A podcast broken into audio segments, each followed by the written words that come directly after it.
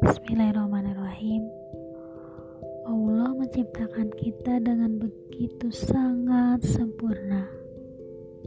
Salah satunya, kita dianugerahkan lisan. Dengan lisan, kita bisa menciptakan banyak hal. Dengan lisan, kita bisa berbuat banyak hal dan lisan bisa berpengaruh ataupun buruk. Maka daripada itu, Allah memberikan rambu-rambu kepada kita agar kita bisa menjaga lisan.